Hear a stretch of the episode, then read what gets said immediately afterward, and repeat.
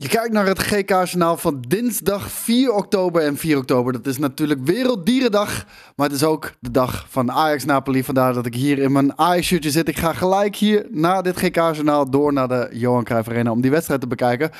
Maar dat is natuurlijk allemaal niet belangrijk, want we zitten hier voor de nieuwtjes. En ik heb vandaag nieuwtjes over PlayStation, Nintendo Pictures, Halo Infinite, Beyond Good and Evil en nog meer. Maar we beginnen gelijk met het nieuws van PlayStation. Want vorige week werd het nog bekend dat er met uh, een jaar oude firmware van de PlayStation 5, dat die gejailbreakt is op een gegeven moment.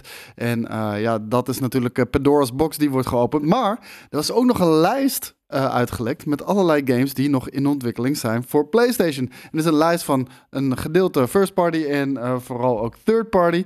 En als we kijken naar dit lijstje, dan, uh, dan zien we dat de volgende games er nog aan moeten, komen, aan moeten komen binnen een afzienbare tijd. En de eerste is van Guerrilla Games. En uh, onze, onze Nederlandse trots natuurlijk. En die zijn bezig met een Horizon online game. Een game as a service multiplayer game die zowel moet uitkomen op de PC als de PlayStation 5. Uh, dit was volgens mij al enigszins bekend. Nog geen officiële aankondiging geloof ik. Maar dit ging al een tijdje natuurlijk door de wandelgangen. Firesprite die is bezig met Heartbreak. Een survival horror op de PC en PlayStation 5.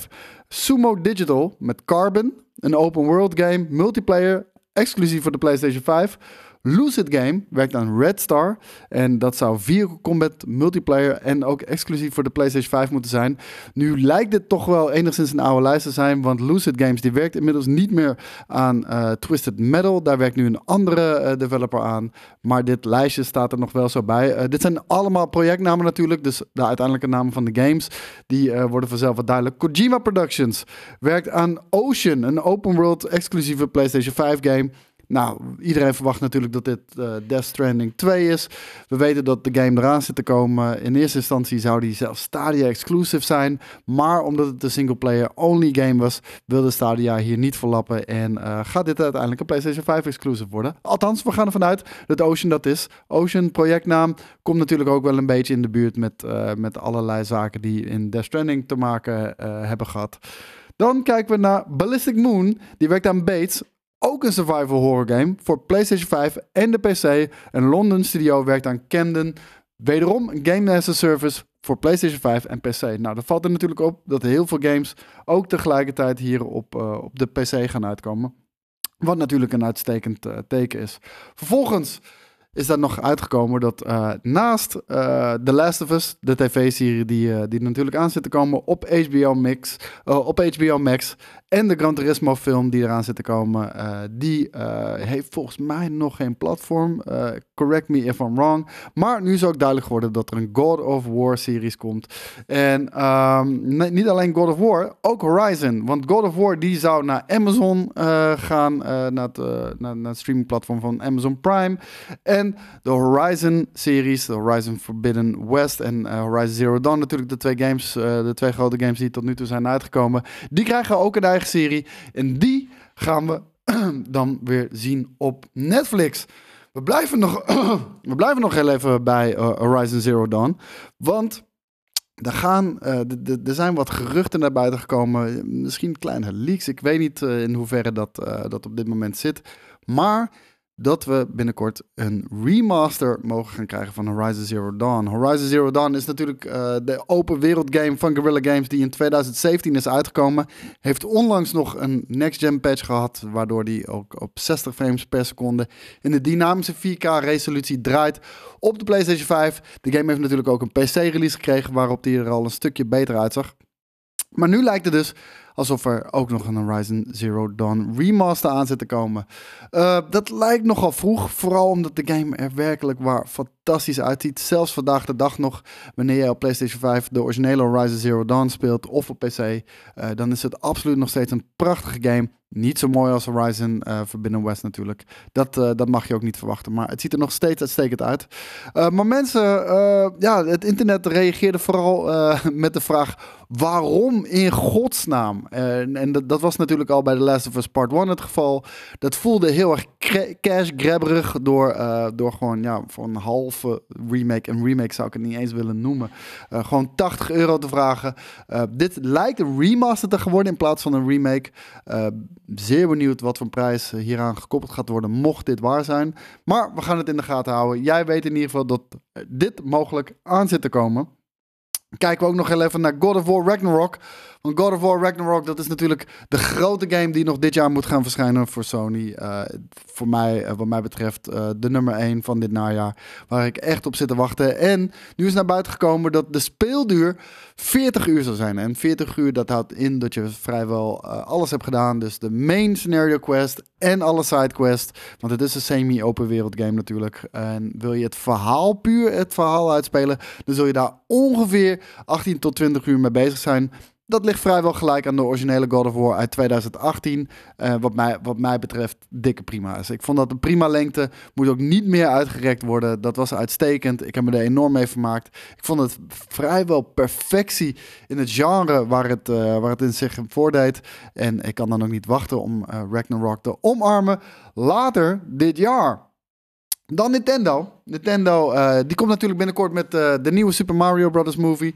Uh, gemaakt door Illumination. En de nieuwe Super Mario Bros. movie die krijgt een teaser trailer op 6 oktober. Nog twee nachtjes slapen dus. En dan kunnen we voor het eerst gaan zien hoe Chris Pratt losgaat als Super Mario. Maar het nieuws van vandaag is dat Nintendo Pictures vanaf vandaag officieel geopend is en uh, een nieuwe uh, filmproductiemaatschappij is van Nintendo.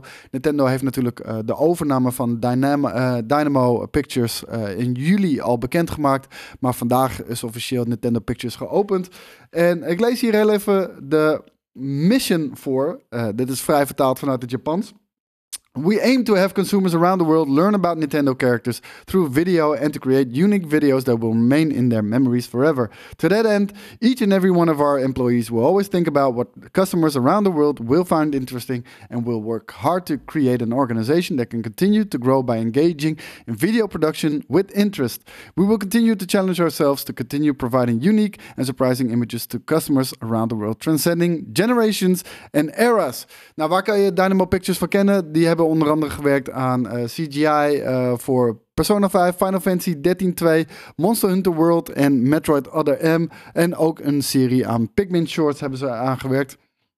We weten allemaal dat uh, Nintendo toch ja, nauwe controle wil hebben over hun eigen IP's. Ze hebben dat natuurlijk in het verleden al eerder uitgeleend aan bijvoorbeeld een Philips. Of bijvoorbeeld aan, was het Universal in ieder geval, de Super Mario Brothers movie met Bob Hoskins.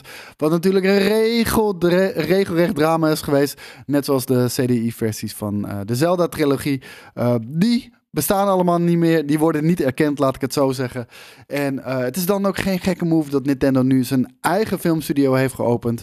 En dat ze uh, wellicht mee hebben gekeken bij Illumination. En hebben, zoiets hebben gedacht van. Dat kunnen wij zelf ook. En daarvoor hebben ze nu de middelen in ieder geval voorhanden. We gaan in de toekomst merken wat we hiervan gaan zien. Dan, ja, het kan haast niet uh, dat ik hier zit een GK-journaal te presenteren zonder dat daar nieuws van Halo Infinite bij zit. En zo is dat dit keer niet anders. Want ook wederom hier gaat het om geruchten, dus weet je, neem het met de korrel zout. Maar uh, ik denk dat hier best wel wat, uh, ja, wat reuring aan zit en dat hier best wel wat van kan kloppen. en dit heeft alles mee te maken dat... Um, dat ze hebben besloten bij 343 Industries, waar natuurlijk onlangs Bonnie Ross is opgestapt om uh, af te stappen van de, van de Slipspace Engine. De Slipspace Engine, dat is de engine die, uh, die is ontwikkeld voor Halo Infinite. Halo Infinite had het tien jaren plan moeten zijn. Uh, nu blijkt al tijdens de ontwikkeling dat heel veel problemen waren met de engine. En eigenlijk nog steeds vandaag de dag. zo zijn er een aantal essentiële onderdelen van de game nog steeds broken. Dit heeft onder andere met de Slipspace Engine te maken. Laten we ook niet vergeten dat de lead engineer van de Slipspace Engine is vertrokken bij 343 Industries. Naast een hele sloten andere eh, lead developers hoor. Maar uh, zeker specifiek voor deze engine. En nu wil het gerucht dat ze Halo Infinite gaan ombouwen slash porten naar Unreal Engine 5. Uh, wat natuurlijk een hele grote opgave is. Uh, iets wat uh, nog meer zand in de motor gaat gooien voor Halo Infinite. Want Halo Infinite die heeft natuurlijk onlangs de plannen bekendgemaakt voor de rest van het jaar. Van de content tot en met maart 2023 wat we mogen verwachten. En dat is niet zo heel erg veel. Dat is sterker nog, dat is bijzonder weinig. het is ook het allergrootste probleem van deze game. Het claimt een live service game te zijn. Maar is dat totaal niet in de ondersteuning van de game. En ook dit zal er gewoon simpelweg weer voor zorgen dat we veel, veel, veel later de beloofde content gaan krijgen dan uh, dat uh, in eerste instantie de bedoeling was. Um, ik zou het een uh, ja, gigantische opgave vinden om Halo Infinite na Unreal Engine 5 te porten. Ik zou het eigenlijk, eigenlijk logischer vinden wanneer Microsoft zoiets heeft van oké, we fucked up. Halo Infinite, het is klaar. Het was een fantastische campaign. Het was een waardeloze multiplayer achteraf uiteindelijk. Uh, we gaan gewoon opnieuw beginnen met een nieuwe Halo. Ik zie het niet goed komen wanneer ze deze game opnieuw in Unreal Engine 5 gaan uitbrengen. Met wederom alle vertragingen die daarbij komen kijken. Uh, deze game, ja, het was eigenlijk al bij Halo Infinite, weet je, uh, vallen of opstaan. En nou, ze zijn duidelijk gevallen. Ik ben benieuwd hoe dit verder gaat uitpakken. de Unreal Engine, ook ja, wellicht uh, een enigszins vreemde, vreemde beslissing. Omdat uh, misschien uh, de IT-engine, natuurlijk IT-tech, misschien ook wel logisch was geweest. Maar wellicht is dat minder geschikt natuurlijk voor hele, hele grote open werelden en omgevingen zoals een Halo Infinite te vinden is. We blijven het in de gaten houden. Dan deed die brand deze week een ja, een onthulling. Een million dollar mistake, zoals ze dat uh, zelf hebben genoemd. Uh, de Steam Deck, ze hadden daar een uh, mooie case voor uitgegeven. Een, een case natuurlijk om je handheld te beschermen. Maar wat deze case uniek maakte, was dat er een kickstand in zat. En deze kickstand, hier zien we hem, zorgde ervoor dat je gewoon ook je je, je, je, je Steam Deck, net zoals een Microsoft Service uh, product of een Nintendo Switch, gewoon neer kunt zetten en met een Bluetooth controllertje gewoon lekker aan de gang kan gaan. Multiplayer games zijn natuurlijk op deze manier ook een stukje makkelijker te spelen, maar dat was natuurlijk million dollar mistake. En dat heeft er alles mee te maken met de manier waarop de kickstand bevestigd wordt op de Steam Deck. Want als we nog heel even naar het plaatje mogen gaan kijken, dan zien we dat de kickstand uh, magnetisch uh, wordt verbonden met deze case. Nou, dat lijkt natuurlijk een mooie, clean oplossing. Behalve dat het voor een heel groot probleem heeft gezorgd. Er zijn namelijk twee typen fans in uh, de Steam Deck. We, hebben de, de eerste versie gehad. Ik weet heel even niet de twee namen ervan. Doet er ook verder niet toe voor dit verhaal. En de eerste, die maakte iets meer geluid dan de nieuwe fan. En um, die brand heeft deze kickstand alleen getest op de nieuwe fans. Nu wil het zo dat de oude fans door de magneet die erin zit van de kickstand vertraagd wordt, waardoor het systeem gaat overhitten en uiteindelijk de performance tot een dieptepunt keltert. Uh, nou, een grote fout natuurlijk. Die brand uh, stak de hand in eigen boezem, kwam er open vooruit, noemde het een million dollar mistake, bedankte de Verge voor het wijzen op, uh, op dit probleem. En uh, vervolgens hebben ze alle orders verder gecanceld. Mensen die hem al hebben, kunnen kosteloos een nieuwe toegestuurd krijgen met een uh, kickstand die op een andere manier gaat worden bevestigd. En uh, ze mogen de oude uh, kickstand case gewoon houden. Ik zou het persoonlijk zelf niet doen, ook al heb je de nieuwe. Er zijn niet echt aanwijzingen daarvoor, maar een magneet dicht bij dat soort onderdelen houden. Lijkt me niet heel handig. En we gaan binnenkort een nieuwe kickstand, uh, kickstand case zien van die brand. Die hopelijk niet een einde maakt aan je Steam Deck. Dan last but not least. En uh, least omdat het uh, nog lang niet uit is, naar mijn vermoeden. Maar Beyond Good and Evil 2 heeft op dit moment een record gevestigd in het Guinness Book of World Records.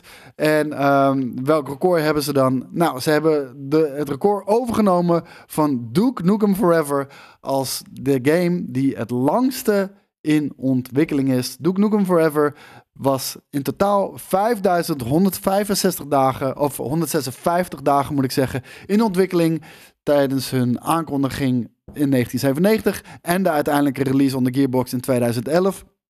Nu is Beyond Good and Evil uh, aangekondigd in 2008 officieel. Vervolgens nog een grote E3-aankondiging geweest in geloof in 2018, wellicht 2017, 2018. En uiteindelijk zijn er op dit moment 5234 dagen verstreken sinds de allereerste Beyond Good and Evil trailer uh, gereleased is. Uh, nou, dat is natuurlijk bijzonder treurig. We weten nog steeds niet wat er aan de hand is met deze game. Deze game is in development hell. Uh, we hebben natuurlijk al een paar demonstraties gezien, mini-docs, maar uiteindelijk weet nog steeds niemand wat deze game nu precies inhoudt. En voor mijn gevoel weet Ubisoft dat ook niet. En dit is niet de enige game bij Ubisoft die op dit moment grote ontwikkelingsproblemen kent. Dit was het nieuws van het GK-journaal van dinsdag 4 oktober. Ga lekker Dierendag vieren en nog een hele fijne dag verder.